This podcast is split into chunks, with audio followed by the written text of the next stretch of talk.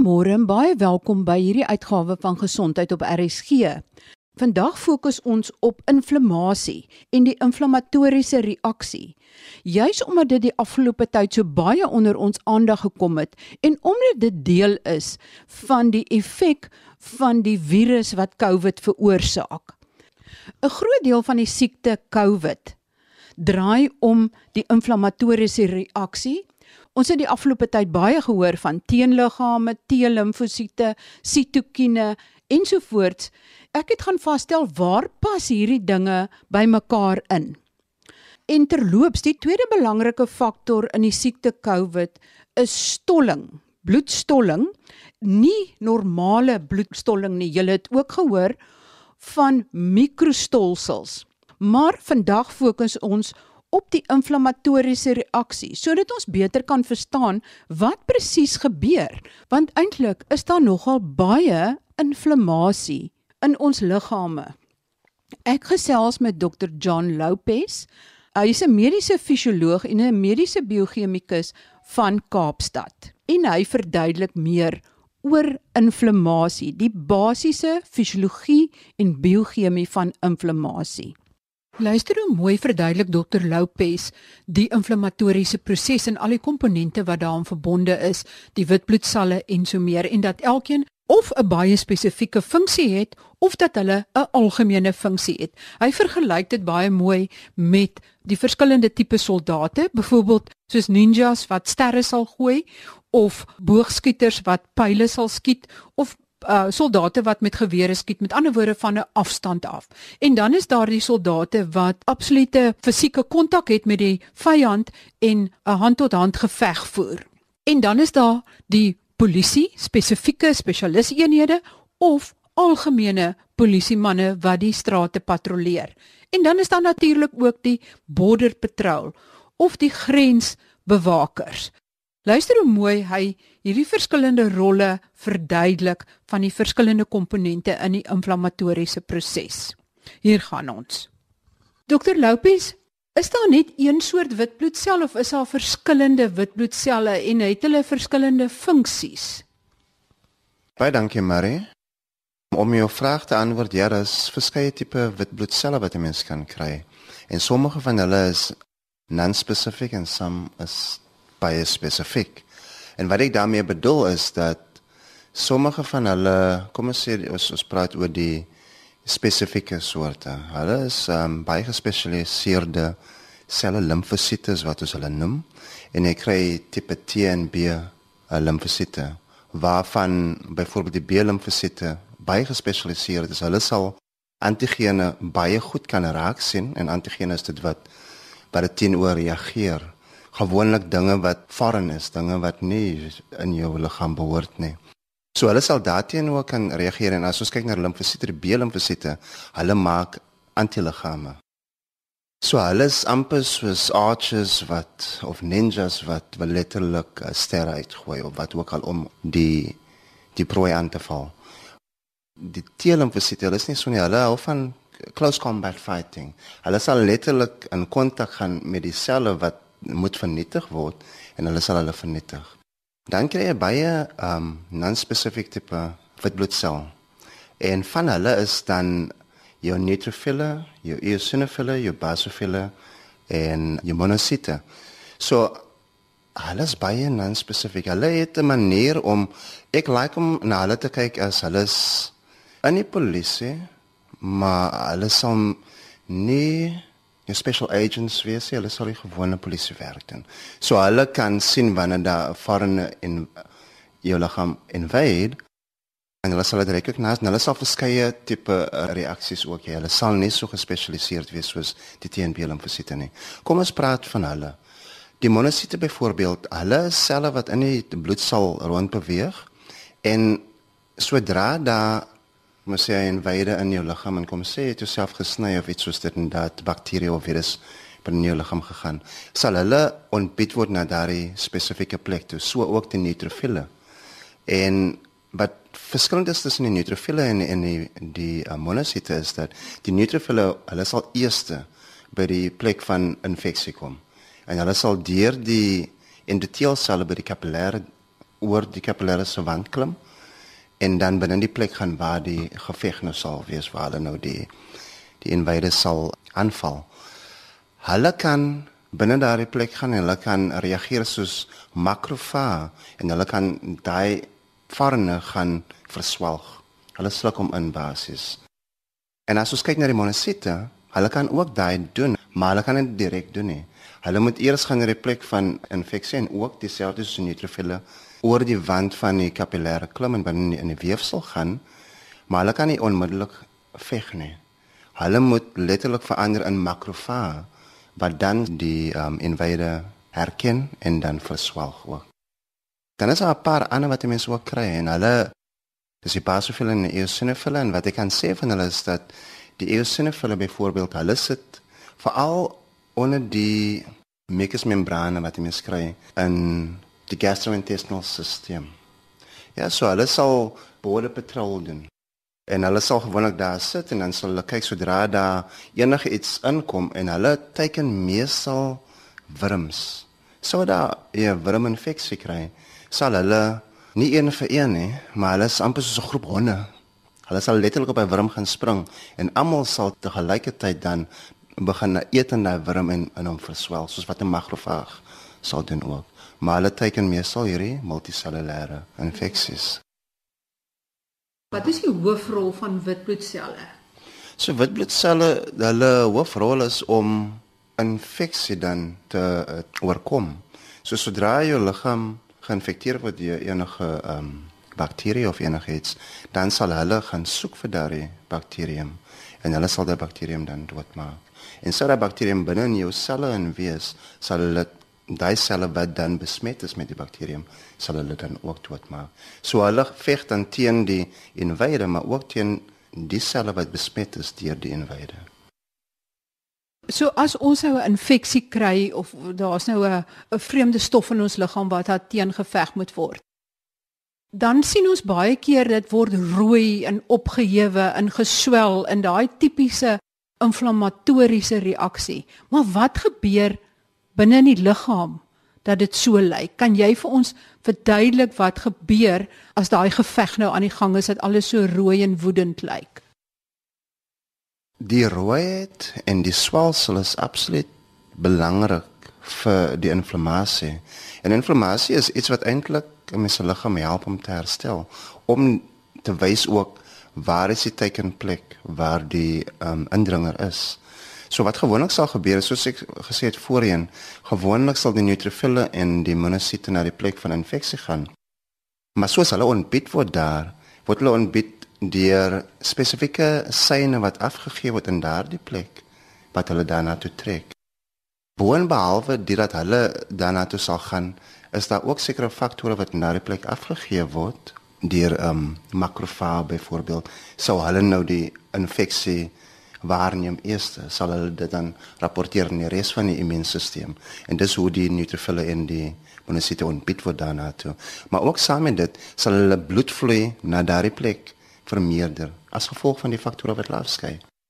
En omdat daar meer bloed is wat dan na daardie plek na toe gaan, sal dan natuurlik meer bloed uh, wit bloedselle daarna toe gedra word. Die endoteelselle sal ook meer permeable raak.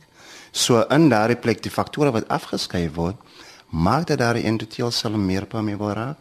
Wat bedoel is as daar meer bloed is, gaan daar baie meer plasma uit die bloed uit beweeg oor die endoteelwand van die kapillêre en in binne in daardie besmette weefsel insit. Maar daar gaan nie net plasma nie, daar's ook proteïene. Wat beteken dat daardie proteïene wat nou nie eintlik gewoonlik in daardie weefsel is nie, as gevolg van hulle konsentrasie trek hulle ook die plasma aan. Want plasma is eintlik soos water basies, ja. So jy 'n hele klomp water of plasma wat kollekteer in daardie weefsel en dit is dan verantwoordelik vir die swelsel.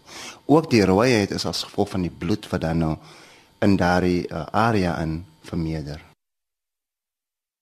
Dokter Lopes, wat is die faktore wat afgeskei word? Wat is daai ek wil amper sê die biochemiese prosesse wat dan daar plaasvind? Daar's verskeie sitokine wat afgeskei word en sitokine is proteïene wat gemaak word on demand, so te sê. Hulle word nie gestoor nie en gewoonlik word hulle gemaak wanneer hulle nodig is. En in 'n in 'n tyd van infeksie sal makrofaag byvoorbeeld as hulle geaktiveer word sodra hulle sien daar's 'n indringer, skei hulle hierdie af. Maar nie net hulle nie, daar's 'n groot kommunikasie wat gebeur tussen baie van hierdie al die selle in die immuunstelsel en hulle gebruik sitokine om met mekaar te kan praat dan. Die proteïene wat die makrofaag sal afskei sal dan nou maak dat die endotheelselle in daardie plek meer um permeable raak. Maar behalwe dit, daar's ook ander proteïene wat afgeskei word of gemaak word deur die lewer self. En hulle beweeg rond in die liggaam. En proteïene soos dit 'n voorbeeld daarvan is byvoorbeeld komplement proteïene.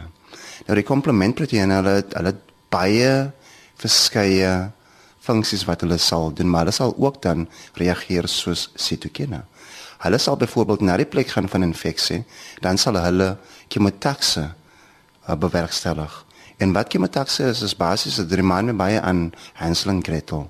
Dit los 'n uh, 'n paadjie van hulle sal in 'n konsentrasie dependent manner sal hulle dan nou vermeerder na die area van infeksie sodat die selle die witbloedselle wat nou die infeksie area moet herken sal dan daardie volg en dis wat hulle doen nou met betrekking tot chemotaxe.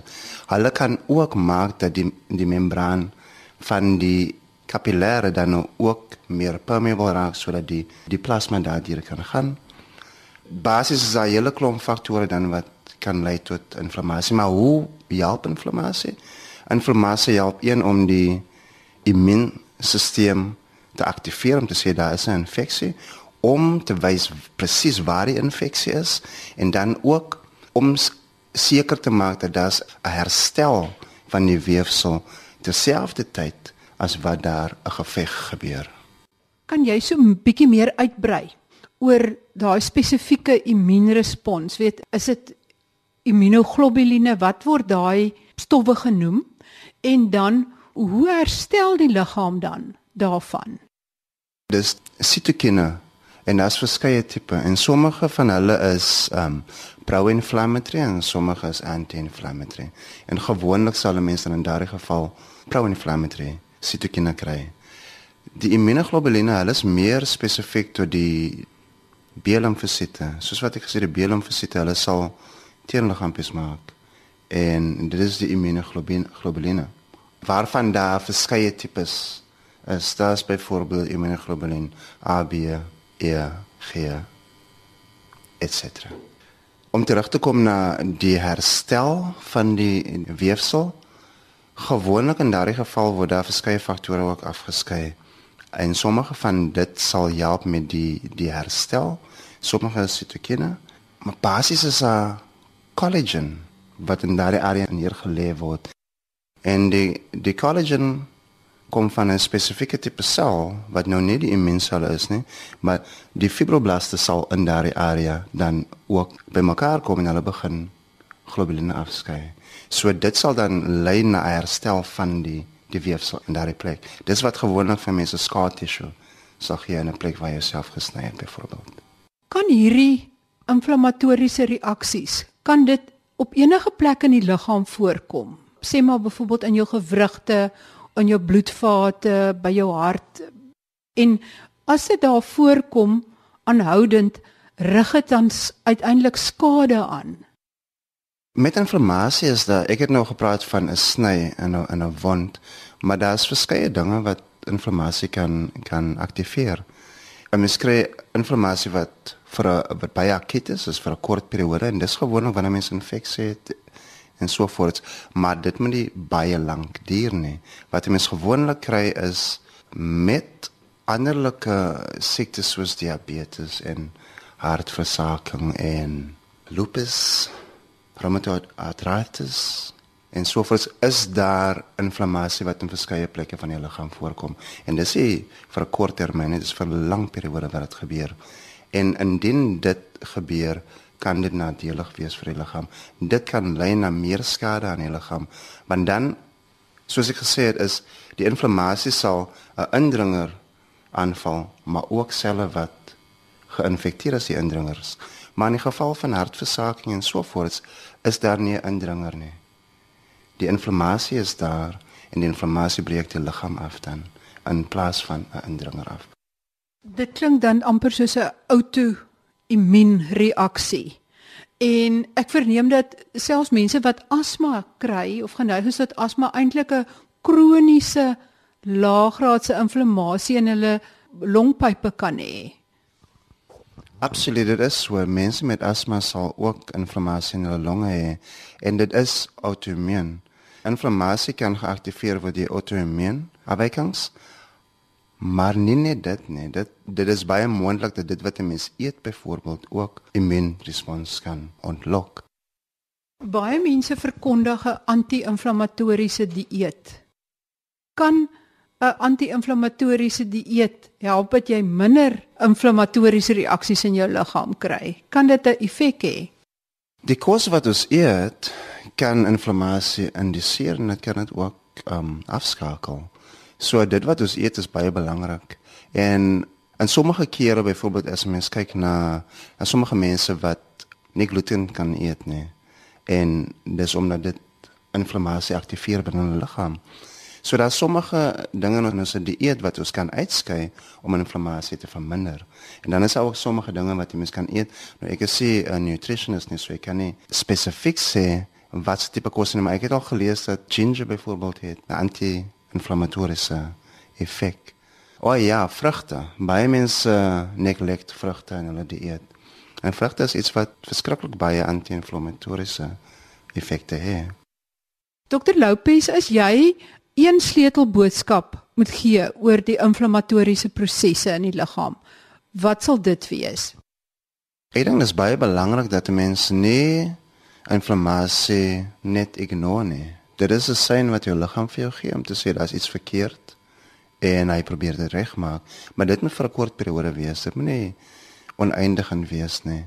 As dit kort is en dis akut en dis dis goed en selfs dan sal 'n mens anti inflammatoriese middels neem wanneer jy wil 'n regulering daarvan hê en dit moenie te lank duur nie. Maar indien dit baie lank duur, gaan dit 'n probleem wees. So my boodskap sal wees moenie dit ignoreer nie, gaan eerder na die dokter toe dat jy um hulp kan kry daarvoor. Baie dankie aan Dr. John Lopez, mediese fisioloog en biochemikus van Kaapstad wat verduidelik het van hoe die gewone inflammatoriese proses werk sodat almal kan verstaan waar al hierdie woorde inpas wanneer daarvan COVID gepraat word. Dit is nogal interessant om te let dat een van die dinge wat die effek en die simptome van inflammasie onderdruk is kortison en daarom vorm kortison dan ook deel van die behandeling van COVID. Ek gesels nou met professor Jonathan Pieter, hoof van kliniese immunologie en allergie by die Universiteit van Kaapstad se Mediese Skool en die Groote Schuur Hospitaal en ook verbonde aan die Longinstituut van die Universiteit van Kaapstad. Ek wil by hom vasstel watter tipe immuunrespons die enstowwe teen COVID ontlok in die liggaam. Die simptome wat party mense kry na 'n uh, vaksinering in hierdie geval word dit tog nie die virus wat ingespuit word nie. So dit moet eintlik die liggaam se eie reaksie op die entstof wees. Is dit korrek? Um yes, that's spot on. So I think that what people must understand is that the immune system uses these different layers of signaling, particularly these like a little alarm molecules. So when I was explaining like how a virus would get in and you know go into your respiratory tract, your cells would release these little molecules, be they cytokines, antibacterial molecules, or antiviral molecules. Those actually cause you often to feel sick. That's what's responsible for fevers, for muscle aches, for those symptoms. In a way, with a vaccine, we are trying to do that. We are trying because those molecules help your immune system to actually make a good, strong response. So, a lot of the early side effects, we see this sort of in the first five days after vaccine.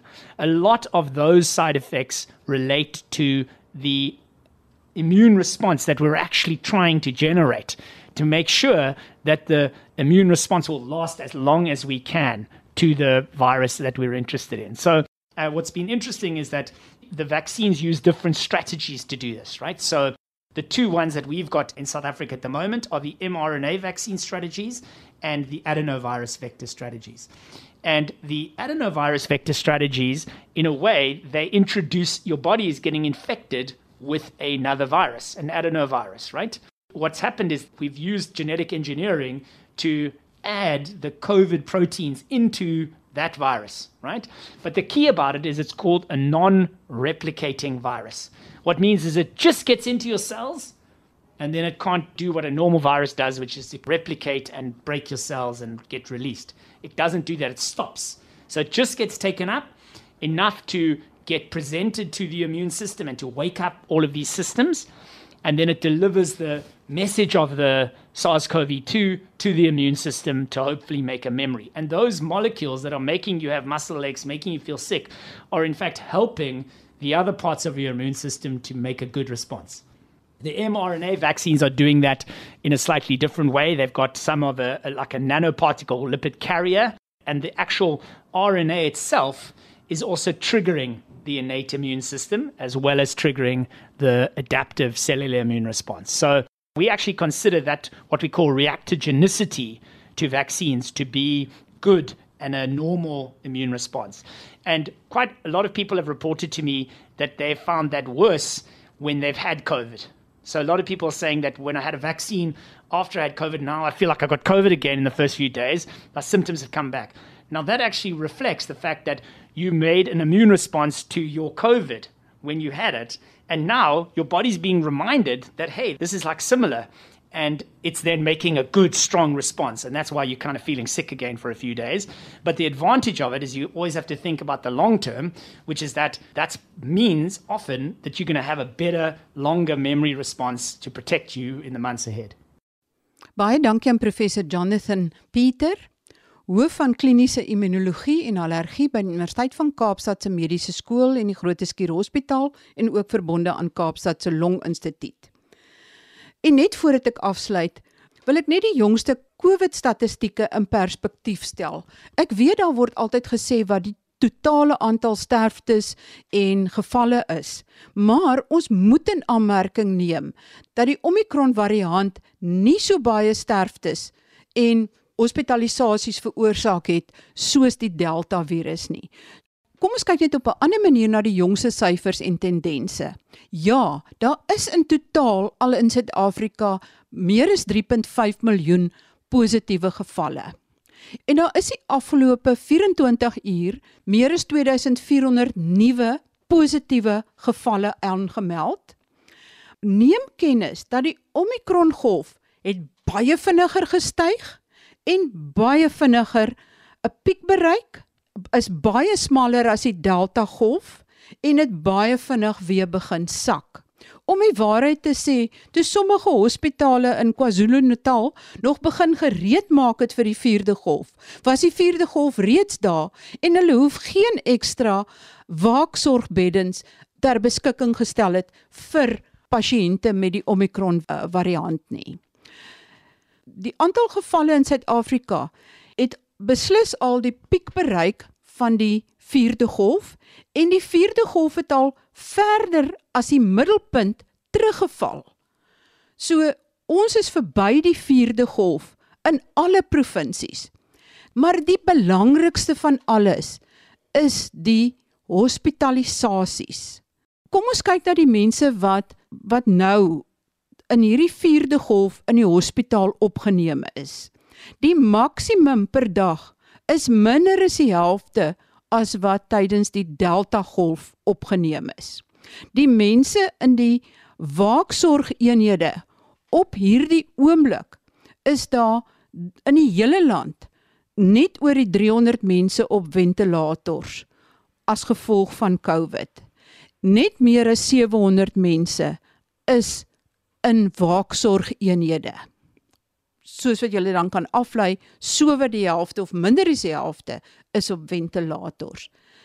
En dit is nou die piek van mense wat gehospitaliseer is. Tydens die Delta golf was daar amper 2500 mense op 'n enkele dag in hospitale in Suid-Afrika in waaksorgeenhede. meer as 1300 op ventilators. Vergelyk dit dan met die net meer as 300 mense wat nou op ventilators in Suid-Afrika is. Ek wou net daai perspektief oordra.